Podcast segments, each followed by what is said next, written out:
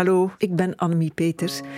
En ik was al lang op zoek naar een aanleiding voor een gesprek met onze Vlaamse boeren. Aanleiding te over eigenlijk.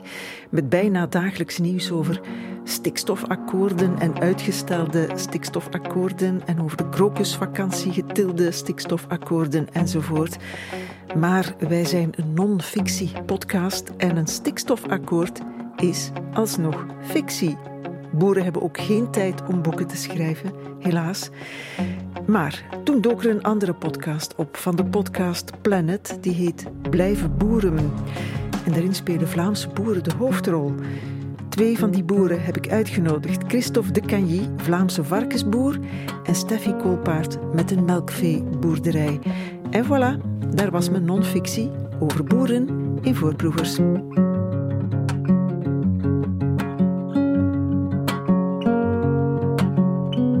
Boeren van nu zitten hier, boeren uit de podcast Blijven Boeren. Provocerende titel, wel gemaakt door Achiel van Ingelgem en Peter de Roek voor de podcast Planet. Vier afleveringen, twaalf portretten van West-Vlaamse boeren die behoorlijk assertief zijn. Blijkt uit die titel toch ook een beetje. Blijven boeren is hetzelfde als zeggen wij stoppen niet. Al willen ze ons dat wel doen doen met hun vergunningsstops, verplichtingen om af te bouwen, hun vergoedingen. Niet met ons. Zoiets. Ik ben zelf aan het vertalen. Iets zal er toch moeten gebeuren. Steffi Koolpaard en Christophe de Cagny, daar zijn jullie het mee eens, toch?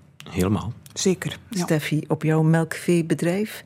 En Christophe, met de varkens. Jullie eerst eens even plaatsen. Hè? Uh, we hadden jullie partners ook meegevraagd. Maar dat kan niet. Koeien en varkens, dat is erger dan kinderen. Dat kun je niet een half dag alleen laten. Dat is echt de reden. Ja. Het werk loopt door. Ja, jullie partners zitten wel in de podcast, want die is bij jullie thuis opgenomen. En Steffi, jouw man Bruno, zegt in de podcast onder andere dit over jullie koeien. Uh, ja, wij zijn uh, koeien gaan shoppen in Denemarken. Koeien shoppen in Denemarken. Voor het koeienras de Jersey koe. Ik heb stage gedaan in Australië en daar een klein beetje in contact gekomen met Jersey koeien. En dat is altijd een klein beetje blijven hangen. Maar was het idee om per se Jersey koeien te willen? Het is uh, een duurzaam koetje. Ze wegen ongeveer 200 kilo minder dan de typische Holsteinkoe. Duurzaam in die zin dat je met minder voer en minder mest als restproduct een even efficiënte koe hebt. Dus daar, op dat gebied zijn ze volgens ons naar de toekomst toe de duurzamere keuze. Ze geven wel minder melk, maar meer vet en eiwit. Dus de, de gehaltes in de melk zijn veel hoger. Ja, hoe vetter en, en hoe eiwitrijker je melk is, hoe smakelijker je eindproduct wordt. Je zou denken dat dat financieel minder voordelig is, want op het einde van de dag heb je dus minder liters melk. Maar in tegenstelling tot wat velen denken, wordt de prijs van melk niet meer per liter bepaald. Heel vroeger werd het wel per liter betaald. En op een gegeven moment waren er dan ook wel creatieve boeren. Als je een liter melk aanlengt met een halve liter water, heb je meer liters natuurlijk. Dus plots is er daar wel controle op gekomen en hebben ze eigenlijk gezegd, ja, in de verwerkende industrie zijn ze eigenlijk niets met dat water die in die melk zit. Want ja, ofwel maken ze boter, dan heb je het vet nodig. Ofwel maken ze melkpoeder, dan heb je alleen maar eiwit nodig. Dus eigenlijk dat water is eigenlijk maar een vervoersmiddel. Eigenlijk is logischer dat je betaald wordt op de inhoud van je melk. Voilà, dat is een geval van water bij de melk. Maar niet in jullie geval, dat gesjoemel kan ook niet meer. En de Jersey-koe was in dat licht een goede investering, begrijp ik. Een koe die minder opbrengt, maar het is vollere melk en het geeft ook lekkerder ijs. Want jij verkoopt ook ijs. Klopt, inderdaad. Ja, dat zou uh, ook duurzamer kunnen genoemd worden. Ja, het is natuurlijk uh, niet onze bedoeling om uh, mensen die een ander ras melken uh, hun bedrijfsvoering te gaan analyseren. Maar we hebben inderdaad wel gekozen voor dat ras omdat we dachten van naar de toekomst toe, ja, er komen steeds meer mestactieplannen en er wordt heel veel meer gekeken naar onze impact op natuur. En die is ook natuurlijk niet te ontkennen. Dus qua ras hebben we inderdaad voor duurzaamheid gekozen. Zeg je dan ook, ik doe al mijn deel? We doen al een deel. Ja. ja. Christophe, nu kijk ik naar jou. Jij verkoopt ook zelf jouw varkens aan de mensen. Je hebt geen winkel. Nee. Uh, je verkoopt ook geen hele varkens. Nee. Je verkoopt worsten en zo, producten. Ja, van, ja, je ja. komt van de markt, hè, vanmorgen. Ik kom van de markt, inderdaad. Isegem, je hebt In de markt gedaan. Dat is vroeg opgestaan. In de podcast zeg je, daar doe je het voor, om de mensen gelukkig te zien. Ja, inderdaad. Dat is, dat is ons grootste plezier. Waar deden jullie het in den beginnen voor? Toen jullie begonnen zijn met de boerderij? Want jullie zijn allebei vrij jonge mensen. Um, Steffi, nog niet zo lang geleden begonnen, toch? Hè? Zeven, 2017, eh, bedrijf van je ouders overgenomen. Als je nu zegt, ik word soms kwaad van al die uh, regelneverij, ja, die dingen die moeten. Dat was toen toch ook al? Klopt, eh, maar het wordt wel steeds erger. Ja. Het wordt moeilijker. Uh, we hebben niet bij ons thuis overgenomen. We hebben eigenlijk op een, op een vreemde locatie op iemand anders bedrijf gaan overnemen. En we hebben dat opgevuld met koeien. Dus dat is inderdaad niet evident geweest.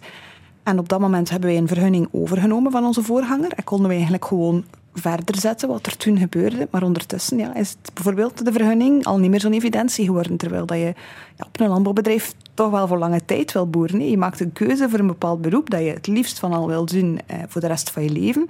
En dat je met hart en ziel doet, elke dag. Maar dan moet je ook wel ergens ja, weten van, ga ik dat ook effectief zo lang kunnen blijven En in 2017 zag het er nog zo naar uit? Dat zag er zo naar uit, ja. Oké, 110 koeien, is dat dan een groot bedrijf? Is dat uh, mega, mega Dat is altijd afhankelijk van hoe dat je dat bekijkt. Kijk je binnen België, dan zijn wij, laten we zeggen, gemiddeld. Uh, ik denk dat ons bedrijf tegenwoordig uh, niet klein kan genoemd worden, maar zeker ook nog niet bij de grootste is. Maar kijk je binnen Europa of zelfs wereldwijd, dan zijn we wel een klein bedrijf. Ja, megabedrijven, dat bestaat eigenlijk niet, zeg je dan? In, België niet. Nee, maar goed, je moet het natuurlijk in de context zien. Hè. In Vlaanderen ligt alles dicht bij elkaar en is een bedrijf groter omdat het dichterbij ja, de velden ligt. Natuurlijk, kijk naar Christophe. Uh, bij jou is het wel het bedrijf van je ouders. Hè? Ja, ik haal al die West-Vlaamse boeren op een keer door elkaar. maar bij jou heb ik goed geluisterd. Ja, inderdaad, het is het, het ouderlijke bedrijf dat wij uh, eh, 19 jaar geleden hebben overgenomen. Maar vierde generatie al, begreep ik uit de podcast. Ja, dat is dan overgrootvader. Mijn overgrootvader heeft het bedrijf gekocht voor 101 jaar geleden. Is je vrouw dan ook een boerendochter? Ja. Ik heb de man van Steffi laten horen. Mm Dus ook jouw vrouw ik denk dat ze Griet heet, als ik dat goed in begrepen heb in het West-Vlaams. Nu zijn we in de kraamstal, twee weken oud, 14 dagen geleden zijn die dus geboren. Dat zijn zo schattige beetjes, dat je daar nu een emotionele band mee? Nee, ik vind dat, ik vind dat geestig voor daarmee te werken, voor daar, um, maar een emotionele band vind ik te sterk. Griet, jouw vrouw? Ja. Die nu nog op de markt staat in Izegem. Die staat momenteel in een marktwagen, ja. Voor de laatste worsten en de laatste boterhamworst. Hoeveel varkens hebben jullie? Wij hebben momenteel 180 zuigen en 1000 vleesvarkens. Dat is heel veel. Is dat dan een groot bedrijf? Nee, dat is een klein bedrijf. Ook al. Zeker relatief. Maar in de, het licht van vergeleken met andere Vlaamse bedrijven. Zijn wij een klein bedrijf. Ah, ook nog. Wat is dan een groot bedrijf? Uh, er zijn hier in Vlaanderen bedrijven met 500, 600 zuigen en de grootste gaan uh, naar 1000 zuigen en iets meer. Ja, in dat voorlopige stikstofakkoord, hè, dat moet ik nog altijd voorlopig noemen, zit een verplichte afbouw van het aantal varkens, ja. onder andere in Vlaanderen. Min 30 procent. Gaat dat over jou? Dat gaat uh, niet specifiek. Eigenlijk al een beetje gedaan. Ik heb het eigenlijk al verminderd, ja, maar, maar dat gaat niet specifiek over mij. Uh, dus uh, het had meestal over mensen gegaan die volledig zullen stoppen. Maar wij hebben al ons deel gedaan. Ik had, uh, tien jaar geleden had ik 350 zuigen. Waarom we er vandaag maar 180 meer hebben. En heb je dat gedaan met het oog op dat stikstofakkoord? Of met het nee, nee wij, wij hebben dat gedaan om, om op zoek naar meer inkomenszekerheid. wij verkochten toen destijds enkel, aan meer, enkel alleen maar aan het slachthuis. En daar waren we prijsnemer. En die prijs was volatiel. En als wij wilden een beetje meer stabiliteit in ons bedrijf brengen, dan zijn we op zoek gegaan naar onze eigen afzet. Vandaar dat we markten beginnen doen. Zijn. Mag ik dat dan vertalen als dat stikstofakkoord, dat betreft jou niet echt, of wel? Dat betreft iedere, iedere landbouwer. Iedere vergunning is daar, eh, is, is, hangt daarvan af. Het is zelfs zo, en je is uh, kort geleden uh, verminderd in aantal dieren. Maar doordat ze zodanig kort terugkijken naar, wanneer had je zoveel dieren, zou het kunnen dat hij nogmaals moet reduceren. Dat zijn dingen die je binnen onze sector niet uitgelegd krijgt. Hij heeft eigenlijk al een inspanning gedaan en die zou dan zogezegd niet meetellen. Ja, dat zijn dingen...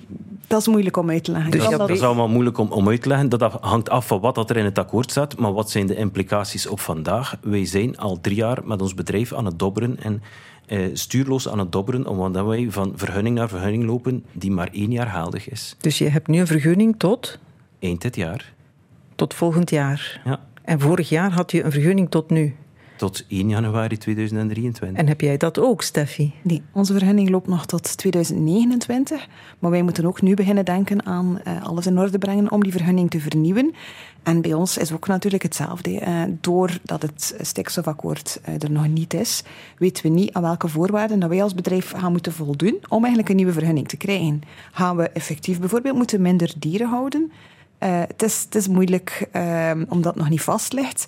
En ook gaan we ons bedrijf wel kunnen verder zetten op die manier. Want al, ik heb een, een mooi voorbeeld uiteindelijk ervan. We melken ongeveer 100 koeien, 110 koeien, maar neem nu 100 om het, om het voorbeeld makkelijk te houden. Je moet 15% reduceren. Dan moet je eigenlijk met die 85 koeien datzelfde bedrijf, waar je elke dag in werkt, waar je heel veel in geïnvesteerd hebt, gaan afbetalen. Dat kan je bijna niet uitleggen dat dat komt zonder dat er ergens een, een tegenprestatie voor komt naar onze sector. Want die investeringen zijn al gebeurd. Ja, maar dan ben je toch gebaat bij een snel genomen en vastgelegd akkoord. Eet het dan bij Vastgelegd het nog, wel. eens, het nog eens uitstellen? Ik heb het bij, bij het begin gezegd, de tijd dringt, dat klopt. Wij zijn al als bedrijf als, als, als, al drie jaar stuurloos. Eh, wij weten niet welke richting we, wij uit moeten. Dus de tijd dringt. We kunnen dat op die manier niet langer vol, volhouden. Maar desalniettemin is het heel belangrijk, en zelfs nog net iets belangrijker dan die tijd, dat het een goed akkoord is. Hier wordt wel een cliché bevestigd: de boer is koppig. Ja. Ja. We moeten wel een beetje, hè?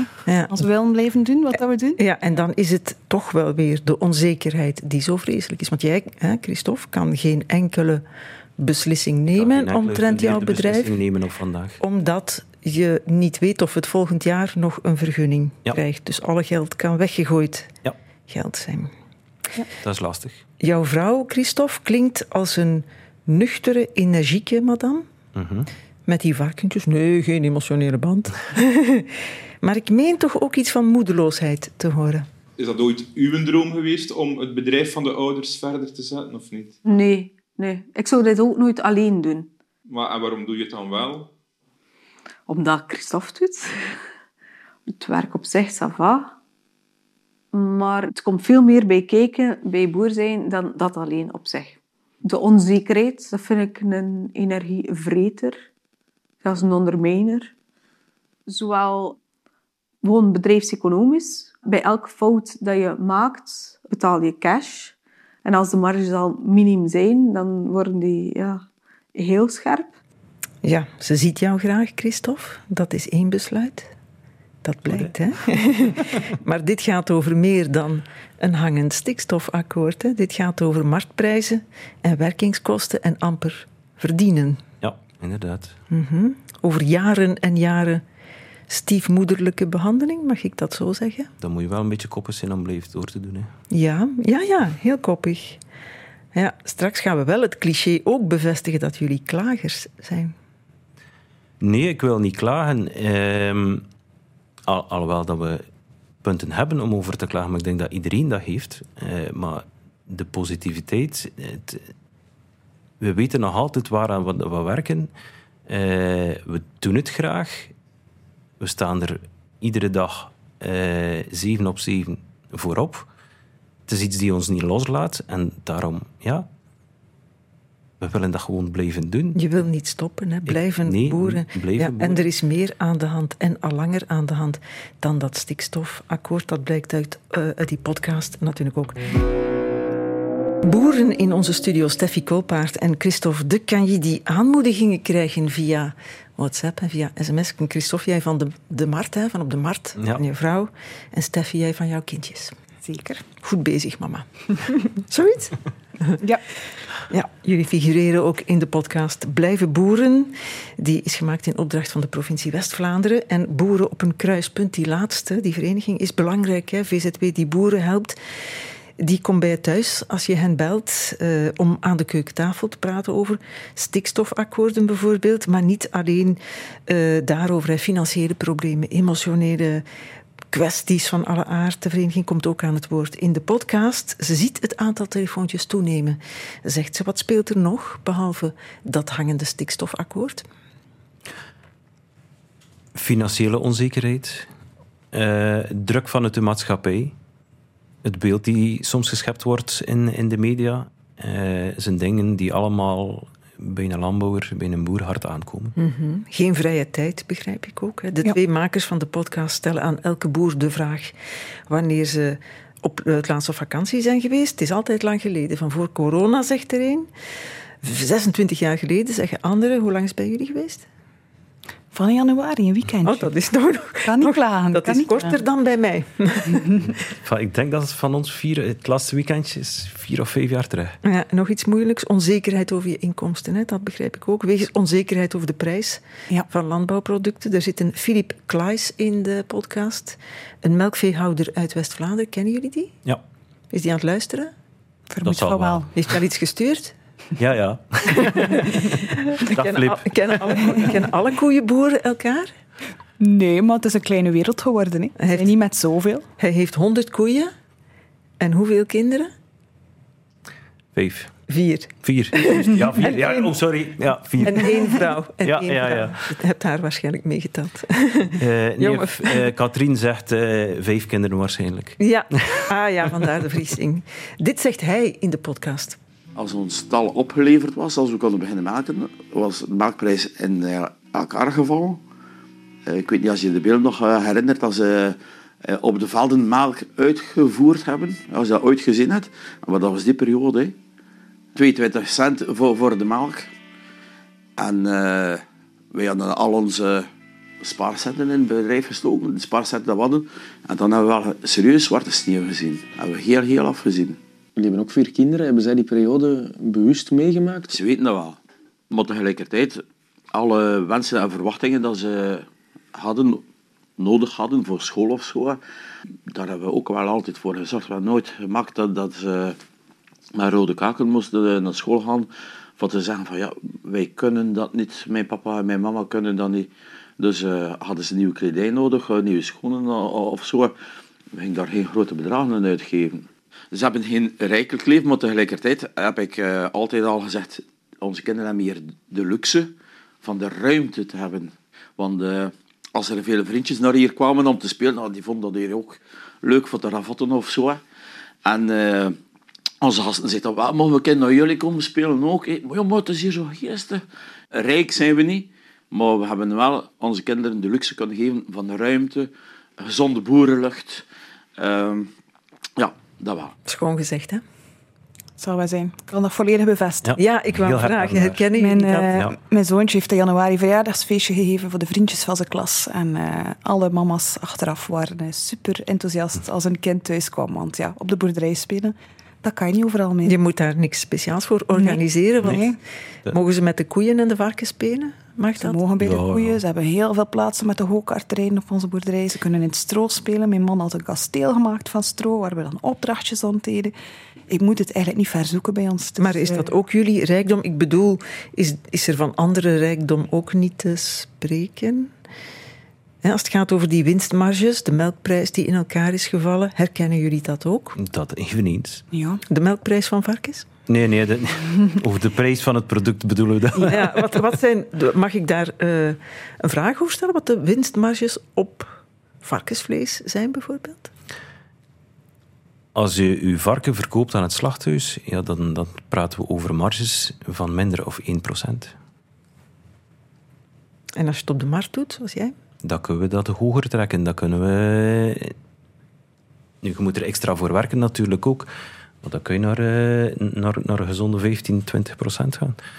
Dus jullie bedrijven zijn gezonde bedrijven wel. Of vandaag nog, nog niet, omwille van de onzekerheid, omwille van het feit dat we keuzes niet hebben kunnen maken. Ehm, maar ook omwille van de malaise in, in, in, in de sector, eh, de lage varkensprijzen. Want, op vandaag gaat het grootste aantal van mijn varkens die wij, die wij kweken nog altijd gewoon naar het slachthuis. Welke keuze zou jij graag maken die je nu niet kunt maken? Ik zou graag verder afbouwen. En enkel nog de productie hebben dat we zelf kunnen vermarkten. Maar je durft niet. Maar ik kan niet op vandaag. Ik kan niet. Ik, ik heb mijn, wij komen vanuit een, uit een eh, volledig productiebedrijf. Wij hebben daar destijds volledig ingestapt, ook keuzes daarna gemaakt. Ehm, Twaalf jaar geleden ook nog in geïnvesteerd. Ehm, maar gaandeweg beginnen beseffen en beginnen zien door de crisis in, in, in, in onze sector dat we het anders moesten aanpakken. Dat hebben we ook gedaan. Stelletjes aan, beginnen een draai aan ons bedrijf te geven, van een ommezwaai van productiebedrijf naar een korte ketenbedrijf. Maar door het feit dat je met, niet met, met een wit blad start, dat je met je, je verleden meedraagt, je, je, je afschrijvingen, je investeringen meedraagt, kun je die knop niet van vandaag op morgen en moet dat geleidelijk gaan. En nu door dat stikstofakkoord zijn we met de vergunning eigenlijk stilgelegd in dat proces. Omdat we geen duurzame keuzes kunnen maken. Jouw vrouw Griet, ehm, die heeft het soms echt wel lastig. Hè? Ja. Meen ik te horen. Ik ga je nog één keer laten horen. Geen perspectief hebben. Dat vind ik immens, immens lastig. Het zien afgebroken worden. De, ja, de ene dag lukt dat beter dan de andere dag. Er zijn dagen dat ik uh, liever ja, niet buiten kom. Ik vind dat een sluipmoordenaar in zekere zin. Ik vind dat heel erg ondermijnend. Maar aan de andere kant is dat ook iets... Ja, het feit dat je niet kunt stilvallen, is ook een redding.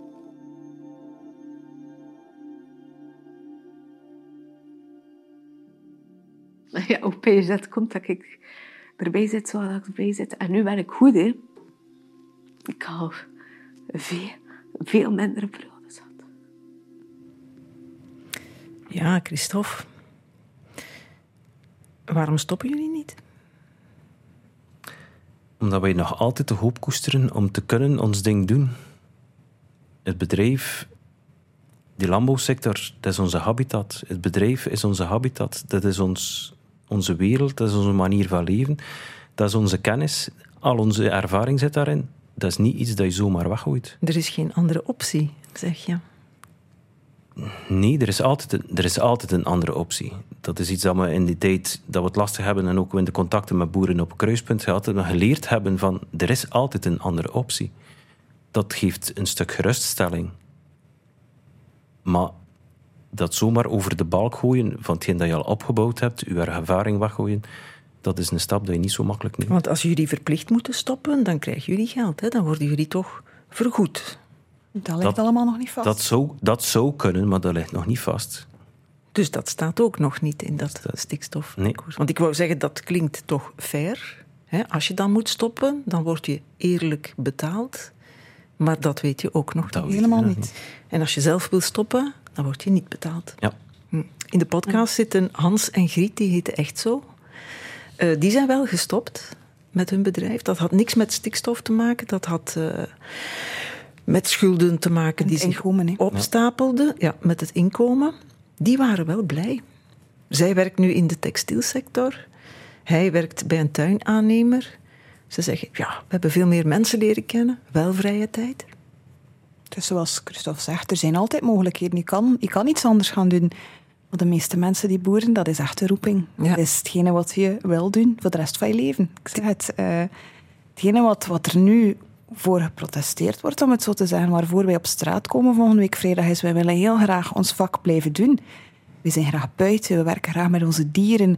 We zijn trots op onze producten, al is het op een hoevenwinkel, maar ook gewoon de dozen melk in de winkel. Als je daar doorloopt, dan weet je van heel veel van deze producten komen wel van ons, hè? van ons dagelijks werk. Dat is een, allee, een trots dat je bijna nergens anders vindt, of toch niet in mijn geval, in een ander beroep. Uh, ja, dat is dat dat wij wel voor aan het vechten zijn nu. En het moet ergens vandaan komen natuurlijk. Ja. Het ja, eten ook. We niet. Jouw vrouw zegt ook ergens, uh, Christophe, failliet verklaard worden is ook een oplossing. Ja, dat is de mogelijkheid dat we hebben. Hè. Ja. Ons failliet laten verklaren. Er is altijd een uitweg. Maar die, allee, dat is een keuze van ons dan. Die hebben we tot op vandaag nog niet gemaakt. Keuze van jou, hè? want ze zegt ook... Christophe heeft altijd nieuwe ideeën. Ja, die verzint altijd weer wat nieuws. Je moet ook wel een beetje in onze sector, een beetje innovatief zijn. En, en ja, zoals dat Christophe gedaan heeft, die bedrijf aanpassen aan de realiteit. Hè. Ja. ja, soms heb je geen keuze. De teneur wordt... Uh, nee, niet somberder in de studio. Nee, hè? Nee. Toch nee. Het gaat wel over boeren die het moeilijk hebben om de eindjes aan elkaar te knopen, omdat ze onzeker zijn over regels en wetten. Of omdat ze er de brui aan geven depressief worden. En dan was er nog dat stikstofakkoord dat er eigenlijk nog niet was, maar toch al een beetje. En dat jullie, uh, wacht hè, goed formuleren, wel willen, maar dan toch niet zoals het op tafel ligt, maar het mag toch niet lang uh, meer duren. Zo is het goed gezegd. Ja. Ja. Maar als het nog lang duurt, hè, dan is het ook niet goed, want dan moet je die nog langer wachten en verder in onzekerheid leven. Dat is ook niet goed. Intussen kun je niet investeren. Nee, we kunnen niet ondernemen. Zo heb ik het samengevat wat er tot nu toe gezegd is. We doen ons dagelijks werk, elke dag weer opnieuw. Maar vooruitkijken, dat lukt niet. Nee. Je weet niet wat je gaat mogen of kunnen. Of... Jullie moeten natuurlijk met dat discours wel opletten dat ze niet over jullie boeren zeggen die doen alsof er niks aan de hand is met onze natuur. Nee, nee, nee. Nee, dat, dat is inderdaad... Allee, het is, het is ehm, moeilijk uit te leggen aan iemand die niet in onze sector komt, maar wij, wij, zijn, wij werken in de natuur. We staan er dag, dagelijks in. We zijn heel veel buiten. We zijn altijd bezig met, met het kweken van gewassen voor onze dieren. Het is waar, maar jullie bemesten die gewassen ook natuurlijk. Klopt, ja, ja. En, En die en mest is zeggen, niet wij goed. Zien, wij zien ook natuurlijk allee, dat er in bepaalde gebieden dat dat niet meer is zoals vroeger. We gaan ook niet ontkennen dat wij als landbouwbedrijf een impact hebben. Dat is bewezen. Maar natuurlijk moet je wel opletten. Niet alle impact komt van onze sector, maar we hebben als sector wel het gevoel dat wij degene zijn die de boel moeten oplossen. En dat is een beetje gevaarlijk, want we zijn nog altijd sector, een, een cruciale sector, vinden wij, die voedselvoorziening voorziet. En om dat dan enkel op ons af te schuiven en ons het gevoel te geven dat wij bijvoorbeeld ten opzichte van industrie en zo zoveel zwaarder moet nagepakt worden, dat, is een, dat geeft ons wel een gevoel van een oneerlijke behandeling. Denken jullie dan ook dat de metingen niet kloppen? Want zo'n dingen worden toch gemeten. Hè? Want daar staan boerderijen en in de buurt daarvan is er zoveel Het is eigenlijk ons punt dat er heel veel gewerkt wordt met aannames. Dat Er er veel bij- op rekenkundige modellen wordt gewerkt. Er wordt bijzonder weinig gemeten eigenlijk. Ja. En rekenkundige modellen, oké, dat zijn inschattingen. Maar om op basis daarvan al echt de sector te gaan aanpakken, dat vind ik gevaarlijk. Misschien is het ook moeilijk om dat zo per boerderij te meten natuurlijk. En misschien moet je ook globaal beginnen. Tuurlijk, maar het wordt wel per boerderij aangepakt en gevraagd om te minderen. En dat zijn allemaal boerderijen die geïnvesteerd hebben voor 20 jaar, die nu gevraagd worden om dat anders te doen. Ja, als je zo'n dingen vraagt van een sector, gelijk welke sector, dan moet er daar wel iets tegenover staan. Dat kan niet anders. Toen ik jou belde gisteren, toen zei je: stel je voor dat ze dit soort maatregelen afkondigen over de bouw. Om maar een voorbeeld te geven. Ja. Ja, klopt. Eh, Wat zou te klein zijn? het kot zou te klein zijn. Tegen een, een, een bouwfirma, waar dat je dan al in een heel ander systeem zit, want wij zijn gezin en werk en woonplaats hangt allemaal aan elkaar bij een boer. Alles dat je doet begint op diezelfde locatie. Je werk, je gezin, je sociaal leven hangt er allemaal aan vast. Om dan in een andere sector te gaan kijken, zoals de bouw, die effectief gewoon een onderneming is, die draait met werknemers en alles erop en eraan. Als je daar gaat zeggen tegen hen, ja, je mag verder doen, maar op 85% van je capaciteit, maar je moet wel nog altijd je investeringen gaan afkorten, dat krijg je nooit uitgelegd. Maar blijkbaar bij ons in de landbouw, we zijn natuurlijk allemaal kleine spelers, ja, wordt dat wel opgelegd? Kan dat wel? En dan hebben we ook daarnaast wel een beetje het gevoel dat degenen die ons dan verenigen, onze vakorganisaties, veel te weinig betrokken zijn in heel het beslissingsproces. Denk je dat? Ik denk het wel. Het, is, het zijn schrijnende verhalen, al die persoonlijke verhalen. Als je begint elk boerenleven uit te leggen, dan is dat heartbreaking. Hè? Dan breekt dat werkelijk je hart. Maar is het wel fair om dat zo emotioneel te spelen? Ik denk dat je dat nooit mag loskoppelen. Boerengezinnen hangen vast aan, het, aan de job. En in ons geval kan je dat niet loskoppelen. Dat is onmogelijk. Dat als je een boerderij dwingt om dat niet verder te zetten, haal je eigenlijk een volledig gezin en een opvolging die eraan vasthangt, weg uit die wereld. Tom Waas zou eigenlijk eens een landbouwverhaal van Vlaanderen moeten maken. Want als je dat leest, als je leest wat, er, wat jullie in jaren en jaren hebben meegemaakt van plannen en regels, en zo, dan is dat hier eigenlijk al honderd jaar kommer en kwel voor de boeren. Ja, we zien het, zo 100 jaar negatief niet. Nee. Het is geen 100 jaar kommer en kwel, maar het is net als de rest van de maatschappij is landbouw continu in evolutie. Ja. En we zijn uit de periode gekomen, en dat is niet alleen de landbouw, maar in de rest van de maatschappij. Alles, alles was mogelijk, eh, alles ging bergop. Eh, er werden veel nieuwe dingen uitgevonden. Eh, de periode na de Tweede Wereldoorlog. Nu, de laatste decennia, ze beginnen zien van... Ja, oei, dat, we, dat, dat, dat, dat we als maatschappij aan het doen zijn, ja, dat is niet zo eh, goed voor, voor, voor het milieu, voor de, voor de biodiversiteit. We moeten daarmee beginnen opletten. We moeten daar eh, maatregelen binnen nemen. net als in de rest van de maatschappij is dat in de landbouw ook zo. Maar je kunt niet verwachten dat hetgeen die vuil gemaakt geweest is, om het zo te zeggen, de laatste 50 jaar, dat we dat nu in de eerste komende acht jaar gaan opkuisen. Maar iemand zal het moeten opkuisen. Ja, en, en dat er iets moet gebeuren, dat ontkennen we ook niet. Hè? Dat, dat ontkennen we inderdaad niet. Dat, dat zijn we volop aan het werken. Maar het gaat over voldoende tijd hebben daarvoor. En zal hetgene dat ze nu doen ook het gewenste resultaat opleveren? Want dat is ook wel een vraag die je moet stellen. Hè? Neem nu alle landbouw weg in België, om het nu heel cru te staan. Is de biodiversiteit en het milieu dan volledig zoals dat ze het willen? Of niet? En dan moet je wel de vraag stellen, waar ligt dat evenwicht? Dat gaat ook niet gebeuren, hè? Alle landbouw weg. Nee, nee, nee, tuurlijk. Nee, maar die, die denkoefeningen hebben ze wel gemaakt in Nederland. Ja. Die, die, die studie is vorige week uitgekomen, dat is duidelijk gebleken. Ja, dan halen we de doelstellingen niet. Nog altijd niet. Dus de vraag is dan, hoeft het ook altijd van die landbouw te komen, die ondertussen ook wel een deel van de stikstof gebruikt in haar productieproces. Wij nemen het op met onze gewassen. En ja, op die manier, allee, een, een sector die voedselvoorziening voorziet, gaan halveren, hopelijk niet natuurlijk, maar om gaan verminderen, is dat dan wel het gewenste resultaat. jullie dat dan? zijn goede pleitbezorgers voor de boeren. Maar jullie hebben ook kinderen die ook in deze wereld moeten groot worden. Tuurlijk, nee. En, we verstaan ook wel inderdaad dat er iets moet gebeuren, maar we willen graag dat er naar het totaalbeeld gekeken wordt. Als we die dingen beslissen, gaat het effectief opleveren wat we willen? Gaat die natuur effectief zoveel verbeteren? En ook, wat is dan het volgende? Want milieuherstel en natuurgebieden herstellen, dat is niet enkel stikstof. Er komen veel meer andere dingen bij ook. En ja, de, de vraag is dan, is stikstof nu niet iets dat ze nu aanpakken en binnen vijf jaar weer iets anders voor de landbouw? We willen graag weten waar we staan op lange termijn. Dat is jullie recht ook, denk ik wel. Hè? Hebben jullie tractoren eigenlijk? Ja. Gaan jullie mee betogen volgende week vrijdag in Brussel? Zeker. Ja? Ik zit met de markt. Ik kan die markt ah, niet laten staan, maar ik ga Je hebt ze voor mij ook laten staan, dus kan dat voor ja, betogen uh, Ik zal mijn steentje bijdragen op de markt.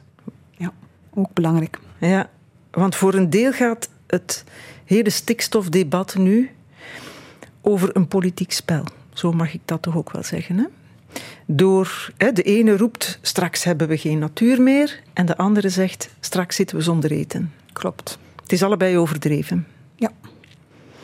En dan hebben ze in Engeland ook nog eens even geen tomaten en komkommers gehad. En dan roept die minister van Landbouw daar ook nog eens: eet rapen, eet lokaal. Doen jullie niet mee aan dat spel als jullie gaan betogen? Ik denk dat vooral een uiting is van onze sector van geef ons nu toch zekerheid naar beide kanten toe. Werk, maar werk ook met ons samen. We zijn ook. Ik, ik wil niet altijd voor heel onze sector spreken, maar ik mag wel zeggen dat er veel frustratie is over het feit dat we het gevoel hebben van niet betrokken te zijn bij iets dat ons heel erg aanbelangt. En we zijn. Er wordt te veel gekeken naar ons als een probleem. Terwijl we eigenlijk als sector, als gehele sector, een deel van de oplossing zijn. Maar als je daar links laat liggen en er niet mee gaat praten en over de hoofden praat, elk vanuit hun eigen loopgraaf, ja, dan komen we nergens. Geloven jullie eigenlijk in een akkoord over een dikke week? Want dat, is wel de belofte. Hè? Daar staat nu ergens. Binnen dat een week snel hebben, binnen een week denk ik niet dat, we, dat we erin hebben. Nee. Zo mogen zou wel mogen, maar ik geloof er niet in dat we het volgende, volgende week gaan hebben. Goed, Steffi Koolpaard en Christophe de Canji, dank je wel.